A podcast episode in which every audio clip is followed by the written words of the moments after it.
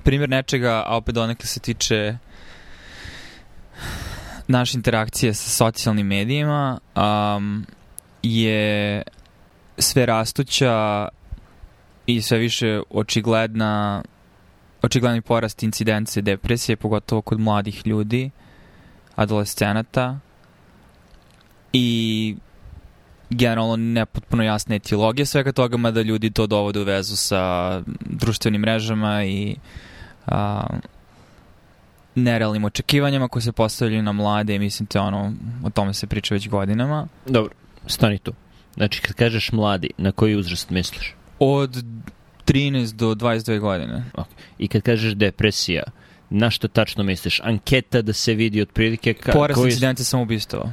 Znači, porast, znači ima sve više samoubistava kod ljudi starosti 13 do... 21, da. I gde si to saznao? Pa mislim da je čak bilo i u Social Dilemma su dali taj grafik. Znači u zadnjih pet godina je ono preko 100% skočila incidenca samoubistava. Pogotovo mislim kod devojaka. I to su Izvadit doveli... te podatke, ali de, o, o, očigledno je da postoji porast incidenta samoubistava u Sjedinjenim državama kod mladih ljudi. Ok, u Sjedinjenim državama. Ok. I to su doveli u vezu sa, pretpostavljamo u društvenoj mreži, to su doveli u vezu sa društvenim mrežama. Da, da. Ali, mislim, oću, ja imam malo drugačiji pogled na to, pa sam to hteo da otvorim u stvari. A, a tiče se našeg modela depresije i razmišljanja depresije. Znači, ne mislim, znači, porast stope samobistava je vrlo čvrst podatak. Znači, to ne možeš da ignorišeš i da kažeš da se to ne dešava, ali pitanje je koji je uzrok svemu tome i ok, ima smisla reći da je to vezano za to što mladi provode više vremena poredići sebe sa nerealnim očekivanjima sveta, samim tim imaju problema sa samopoštovanjem i a, svojim ličnim identitetom. Ali stvar koja meni pada na pamet barim je da mislim da vremenom, sve, sve rastućim vremenom koje provodimo pred ekranima telefona i kompjutera, mi u stvari zaboravljamo naše telo u prostoru i u nekoj meri um, moja neka hipoteza je da, da postoje ono, pozitivni začarani krugovi između prefrontalnog korteksa, suplementalne motorne are, premotornog korteksa, gde a, ti moraš da dobiješ informacije o propriocepciji kroz talamus da bi onda bio sposobniji da praviš kompleksne pokrete i radnje u smislu kako kretanja u prostoru, tako onda i egzekutivni stvari, uključujući i kognitivni rad u smislu, ok, sad treba da sednem da napišem ovo, da potržim ovo, da izađem da pokupim ovo. I mislim da našim lepljenjem i činjenjem naših, naš, na, pravljenjem da naš svet je sve abstraktniji, zaboravljamo svoje telo u prostoru i da to na neki način doprinosi um, smanjivanju verotnoće da nastavimo da pomeramo to telo u prostoru, što onda može da preraste u depresiju.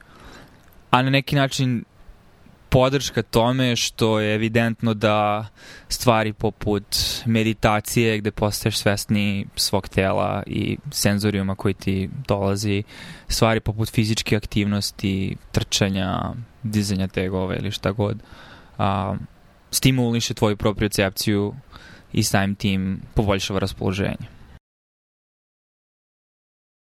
Dobro, to je To je moja ono na, nasumična misao koja nije preterano razrađena, ali mislim.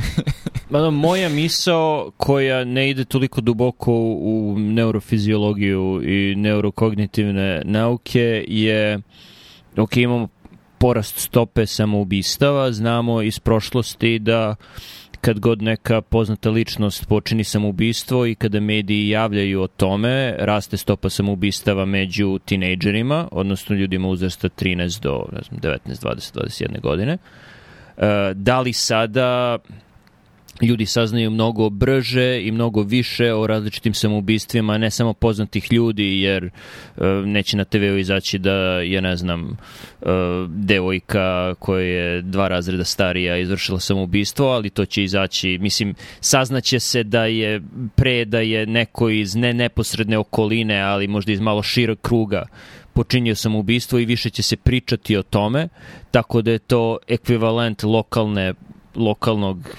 lokalne poznate ličnosti koja je izvršila samoubistvo, tako da to je možda mnogo više u svesti ljudi koji su u kritičnom periodu i pod rizikom za samoubistvo, što povećava šansu od samoubistava i dolazi do pozitivne povratne sprege gde se onda više priča o tim samoubistvima i onda više ljudi čuje o tome, razmišlja o tome itd. itd. Da li bi to jednostavno moglo da objasni zašto ima više samoubistava među tinejdžerima? Mislim, ima smisla čak i na neki način kako to onda stvara kulturu i onoga što se smatra prihvatljivim, ali mislim da postoji par indikatora koji svedoče tome da a, je samobistvo nešto čemu se više priča među tinejdžerima.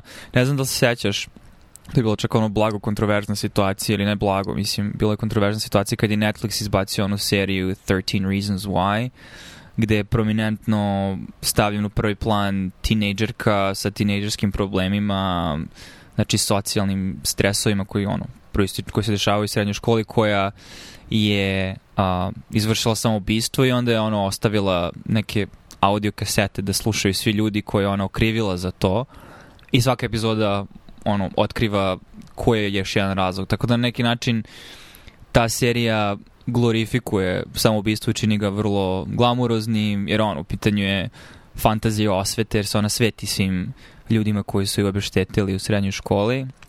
I Netflix je morao da povuče tu seriju zato što mislim da je tada došlo do ono skoka u, u, u, u samobistvima kod tinejdžera. Tako da mislim da, da to donekle i pije vodu, znači koji je kulturološki, a pogotovo kad pogledaš, kad malo scrolluješ ono komentare, e, mislim šta me nagnalo na tu mislu je to što, znači nevezano za informacije koje dobijamo ono s polja kroz statistike, vesti, medije, nego YouTube algoritmi s vremena na vreme te navuku na nek, neku zečju rupu. Jedna od tih zečjih rupa jeste bila um, kompilacija muzike, lo-fi muzike, ono u pozadini, easy listening, ali nešto, ono, ili obrade poznatih pesama u lo-fi fazonu, um, koji postoje jako popularan i ono, tipa, playlista gde ono, svaka svaki video je po sat vremena i često je u pozadini ili statična slika u anime stilu ili neka blaga loop video nekoga ko čita ili radi nešto noću. Tako da se vide da su vidi namenjeni ljudima koji ono rade, uče ili šta god, ali kad čitaš komentare ispod, svi komentari su okrenuti kao ne znam kako objasnim, kao podrška, kao grupna, grupna podrška i grupna terapija uh, depresivnih simptoma, gde kažu, ok, znam da je kasno, ustani, umi se, sutra je novi dan, bit će sve ok. I ljudi koji kao, ja, teško mi je, danas je bio težak dan, ali evo, sad sam došao ovde i, i mislim, nekako me to dotaklo, zašto shvataš, to, većinom su to vratno jako mladi ljudi koji se nađu tu i verovatno ih je privukla ista stvar, a to je da su se osetili usamljenim ili da im je potrebna neka doza komfora, ta muzika sama po sebi daje taj vibe komfora. I kažem, i te neke animacije koje idu u pozadini, uvijek je neko ko leži u udobnom kutku sobe dok napolju pada kiša ili sneg i oni kao čitaju nešto dok mačka prede ili šta ti ja znam. Tako da mislim da on, the kids are not all right. Nemam pojma. Ja nemam, nemam toliko kontakta sa ljudima tog uzrasta, ali mislim da nam kao odraslima promiče to da verovatno sledi talas mentalne krize u, u narednoj deceniji. Vrlo moguće, mislim u Americi sigurno, ne znam za Srbiju, mislim, ne znam, ne znam da li to može da se da. poredi sa Srbijom, pošto u Srbiji ipak si više u kontaktu i sa roditeljima i sa neposrednom okolinom, što proizvodi drugu vrstu mentalnih problema, uh, pretpostavljam ne toliko depresiju. Ali su jednako, ja mislim, postoji jednaki problem sa uh, online bullyingom, nasiljem, online nasiljem. Nasiljem, sileđistvom. No. Sileđistvom, da, i, u, i kod dece u Srbiji. Tako da mislim da si u pravu.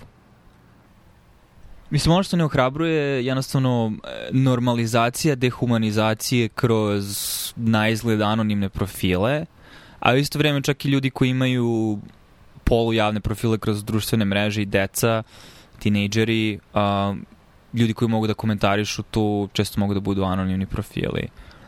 konkretno mislim na Reddit i na YouTube, manje, manje na Instagram gde ono, su korisnici, nisu anonimni.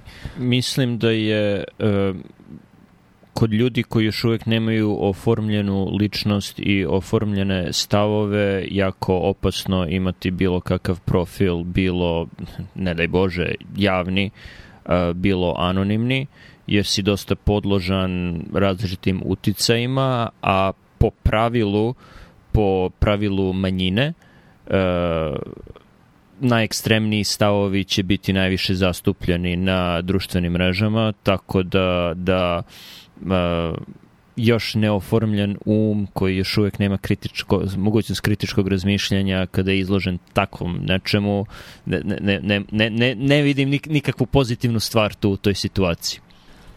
Pogotovo što ono, de facto smo baždareni da više, kad radiš valuaciju utisaka, više značaja pridaješ negativnim utiscima nego pozitivnim. Znači, jednostavno tako smo evoluirali. Mislim, to je ono dobro dokumentovan fenomen. Tako da ako neko lupam ima 95 pozitivnih komentara, to postane buka u pozadini, to se isfiltrira, ali pet negativnih koji tačno pogode u neku nesigurnost koju, mislim, svi ljudi imaju. Jer gledaš, mislim, kad slušaš ono čak i podcaste, lupam, Vinaj, kako priča o, o mislim da što on kače vrlo kontroverzna mišljenja ili relativno kontroverzna mišljenja. mislim ili da je, je njegov odnos pozitivnih prema negativnim mnogo lošiji da, od 95 prema 5. I delimično je razlog tome njegov stil koji je često vrlo zapaljiv, ali njemu to šljaka, ali pojente samo da čak i neko ko je odrasla osoba u svojim 30. ili 40. godinama ima, ipak reaguje na sve te negativne komentare na određeni način, jer čim ima potrebu da priča o tome i diskutuje o tome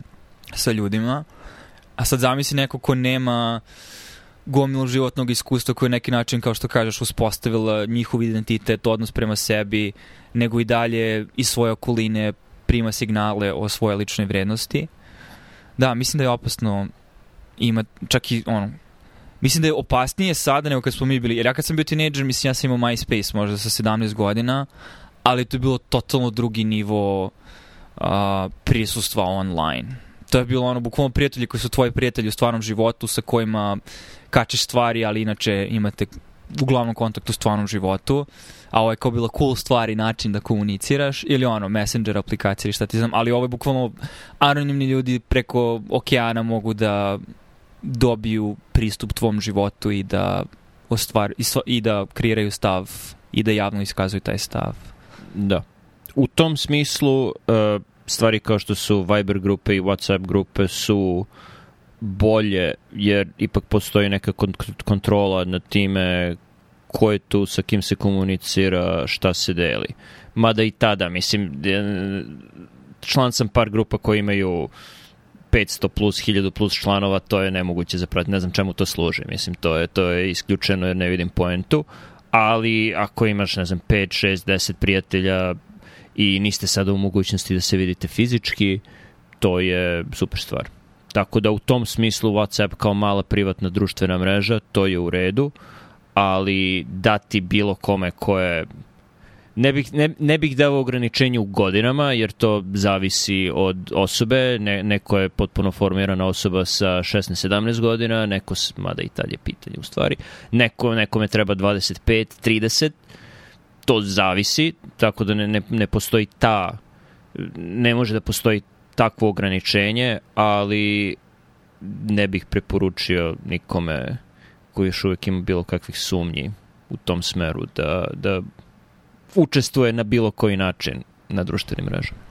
Mislim, ali jedna je stvar preporuke, a druga je stvar um, društvenih pritisaka, zato što ako imaš, mislim, strašno bi bilo biti roditelj sada 13-godišnjeg ili 14-godišnjeg deteta gde svi vršnjaci imaju smart telefone i učestvuju u životu na socijalnim mrežama da ti kao dete totalno mogu da razumem kako dete može da se osjeti izopštenim iz svih tih interakcija.